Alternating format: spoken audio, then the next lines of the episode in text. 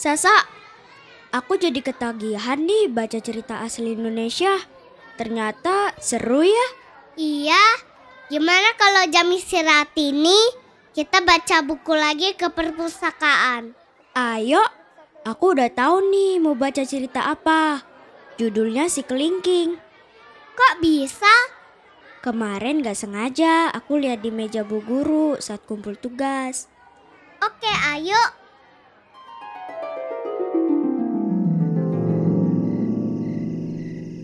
Sebuah desa di Bangka Belitung, hiduplah sepasang suami istri yang teramat miskin dan serba kesusahan.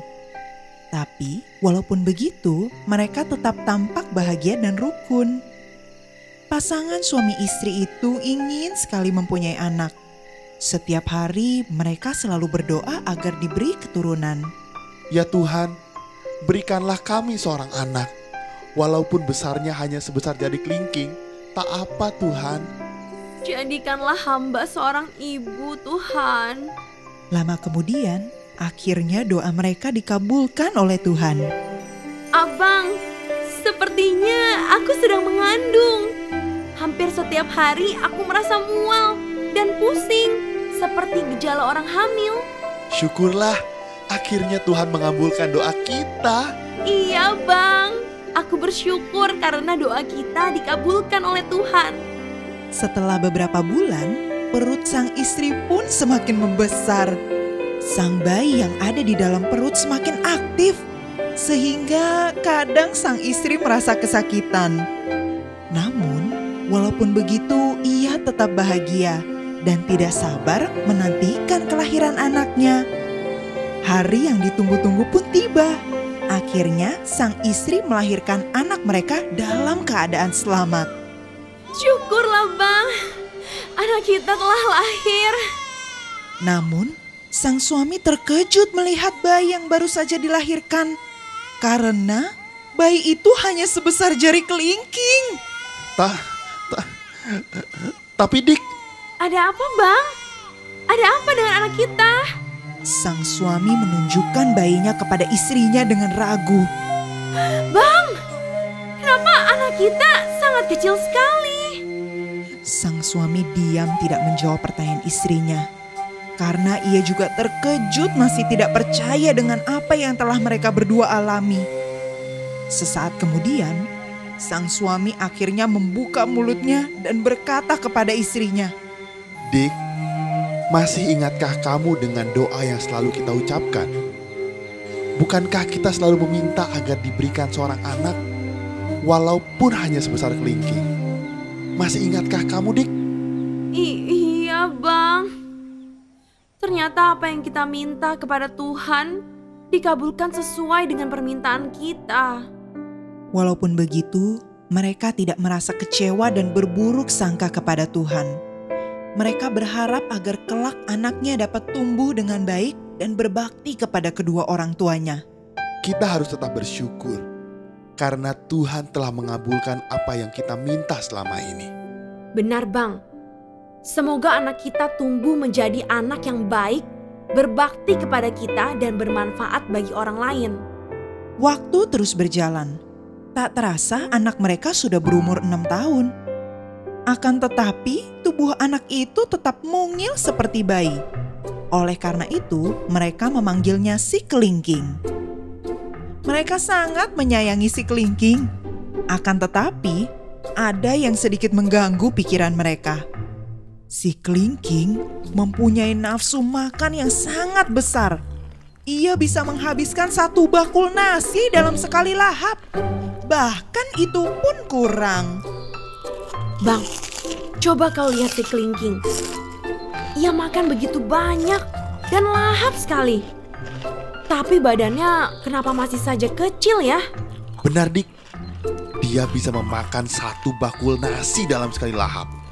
Ayah dan ibu si kelingking memperhatikannya makan. Ayah, ibu, kenapa hanya diam saja? Ayo kita makan bersama-sama. Iya, Nak. Kau makanlah dulu. Ibu, aku mau nasi lagi. Hah? Baik nak, akan ibu ambilkan nasi untukmu lagi. Tapi apakah perutmu tidak apa-apa nak? Kau sudah makan nasi begitu banyak. Tidak apa-apa, Bu. Aku masih lapar. Melihat perkembangan si kelingking, pasangan suami istri itu semakin bingung. Karena mereka tidak sanggup untuk menghidupi si kelingking. Mereka pun memiliki rencana buruk untuk meninggalkan kelingking di hutan. Bang, aku sudah tidak bisa menghidupi si kelingking. Kita sudah hampir kehabisan bahan makanan. Abang punya cara, Dik. Rencana apa itu, Bang? Besok pagi-pagi sekali, aku akan mengajak si kelingking ke hutan. Untuk apa kau mengajaknya ke hutan, Bang? Aku akan meninggalkannya di tengah hutan. Aku setuju, Bang. Keesokan harinya, sang ayah mengajak kelingking ke hutan. Kelingking pun senang sekali diajak oleh ayahnya ke hutan. Ia berpikir bahwa ayahnya akan mengajaknya bermain. Nak, ayo ikut ayah ke hutan. Asyik. Ayo, Ayah. Sesampainya di tengah hutan, ayahnya langsung menebang pohon besar dan meminta kelingking berdiri menunggunya tak jauh dari pohon yang ditebangnya. Nak, kau tunggulah di situ. Ayah akan menebang pohon ini dulu ya. Baik ya. Beberapa saat kemudian, kelingking tertimpa pohon. Kemudian, ayahnya meninggalkan kelingking di hutan. Dik, aku sudah pulang. Bagaimana, Bang? Apakah rencana kita berhasil, Bang? Tenang saja, Dik. Semuanya berjalan sesuai rencana kita. Sekarang, kita bisa hidup dengan tenang tanpa beban. Ah, Benar, Bang. Sekarang hidup kita akan lebih tenang tanpa kelingking. Sesaat kemudian, terdengar suara teriakan dari luar rumah. Ayah ibu kelingking kaget mendengar suara kelingking dari luar rumah. Ayah, harus aku letakkan di mana kayu-kayu ini? Bang, apa kau mendengarnya? Bukankah itu suara kelingking? I- i- iya, Dik. Aku juga mendengarnya. Bu, bukannya kau bilang ia tertimpa pohon? Ayolah, kita keluar untuk melihatnya. Mereka bergegas keluar rumah untuk melihatnya. Dan kaget melihat kelingking yang masih hidup bahkan mampu memikul pohon tebangan ayahnya dengan enteng. Ayah, diletakkan di mana kayu-kayu ini? Ah, i- i- itu letakkan di sana saja, Nak. Setelah meletakkan kayu-kayunya, si kelingking merasa lapar dan meminta makanan kepada ibunya yang masih terperangah melihat kelingking. Ibu, aku lapar. Aku mau makan, Bu. I- i- i- iya nak, sebentar ibu ambilkan nasi untukmu. Saat malam tiba, sang ibu kembali berpikir keras cara untuk menyikirkan si kelingking. Bang, apa yang harus kita lakukan? Hmm. Besok abang akan mengajaknya ke gunung untuk mengambil batu di sana. Keesokan harinya, ayah kelingking mengajaknya ke gunung. Setibanya mereka di kaki gunung, ayahnya berkata kepada kelingking, Kelingking, ayah akan naik ke atas gunung untuk mengambil batu yang akan kita bawa nanti. Kamu tunggu di sini ya. Baik, Ayah. Tanpa berlama-lama, ayahnya langsung pergi ke atas gunung dengan membawa sebuah kayu untuk memudahkannya mendongkel batu. Sesaat kemudian, batu besar itu jatuh ke bawah. Kemudian ayah kelingking meninggalkannya kembali di gunung. Kelingking! Kelingking! Kelingking! Setelah sampai di rumah, ayah kelingking menceritakan hal tersebut kepada istrinya. Tapi ibu kelingking tidak langsung percaya perkataan suaminya. Apakah abang sudah yakin anak itu tidak bisa kembali pulang ke rumah ini? Iya dik, kali ini abang sangat yakin. Kelingking tidak akan kembali ke rumah ini. Baiklah kalau begitu, hidup kita tidak akan susah lagi karena harus memberikan makan kepadanya. Menjelang sore, kejadian yang sama terulang kembali. Mereka dikejutkan oleh suara teriakan kelingking dari luar rumah. Mereka makin terkejut setelah melihat kelingking membawa batu-batu dari gunung dalam keadaan baik-baik saja. Ayah, di mana harus aku letakkan batu-batu ini? Di, di, di sana. Kau taruh saja batu-batu itu di sana. Ibu, aku lapar. I, i- iya nak, sebentar ibu ambilkan nasi untukmu. Pasangan suami istri itu heran dan terkejut dengan kekuatan yang dimiliki oleh kelingking. Bang, sepertinya apa pun rencana kita tidak akan berhasil. Anak kita itu sangatlah kuat, Bang. Benar dik, dia kuat sekali. Sepertinya kita harus bisa menerima bagaimanapun keadaan kelingking, Bang. Iya, kita lupa bahwa kelingking adalah jawaban atas doa kita.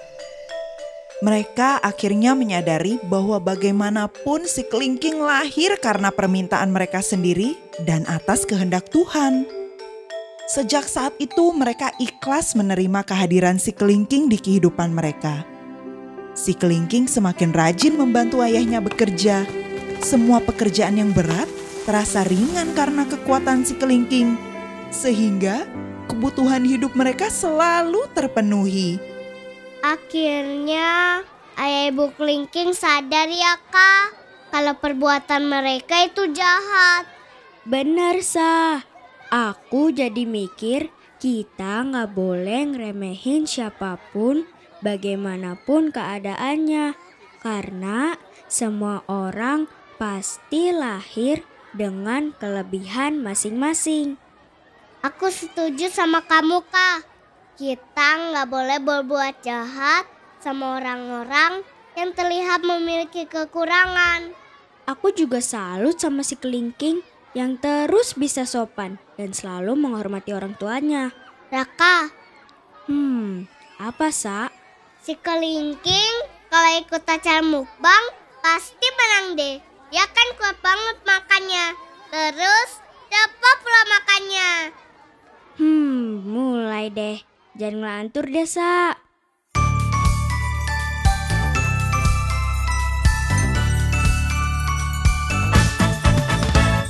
Hai kamu anak Indonesia, pelajar Pancasila.